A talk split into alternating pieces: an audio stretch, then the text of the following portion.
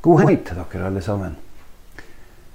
Jeg vet at jeg har eh, for så vidt brukt denne kanalen før til å skryte av eh, folk som bruker tida si til å hjelpe andre mennesker som er i nød. Men jeg kan ikke dy meg for igjen å, å rette en takk til alle dem som står på alletten om dagene.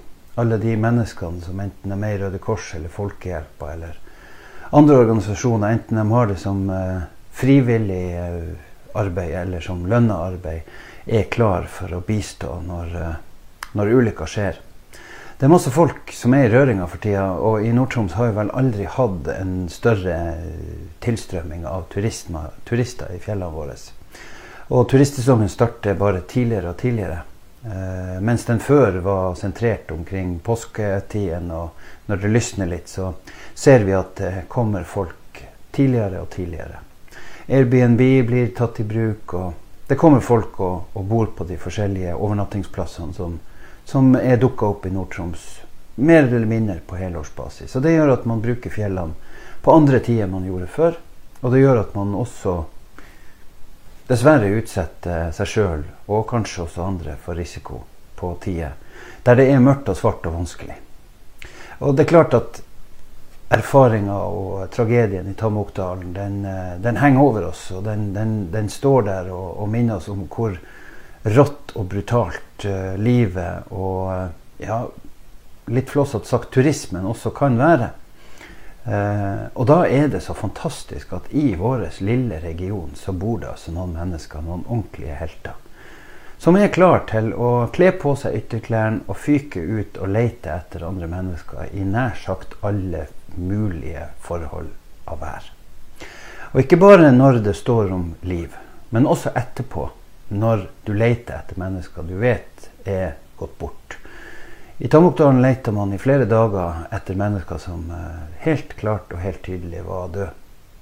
Men likevel så drar man frivillig inn i områdene. Utsetter seg sjøl for en viss risiko. Nå er det selvfølgelig bedømt til å være trygt, men uansett, når man er i fjellet på vinteren, så er det uansett en stor eller liten sjanse for at noe kan gå galt. Og da er det helt fantastisk at det er noen folk som, som gjør det her av egen fri vilje. Som, som trør til, står på og bruker tida si på en sånn måte. Det er, ja, det er til å bli veldig, veldig, veldig imponert over. Jeg jeg er jo ikke sjøl noen stor friluftsmann, uh, men jeg liker å gå en tur. hva det heter, i kontakten nå, som liker å gå en tur i fjellet.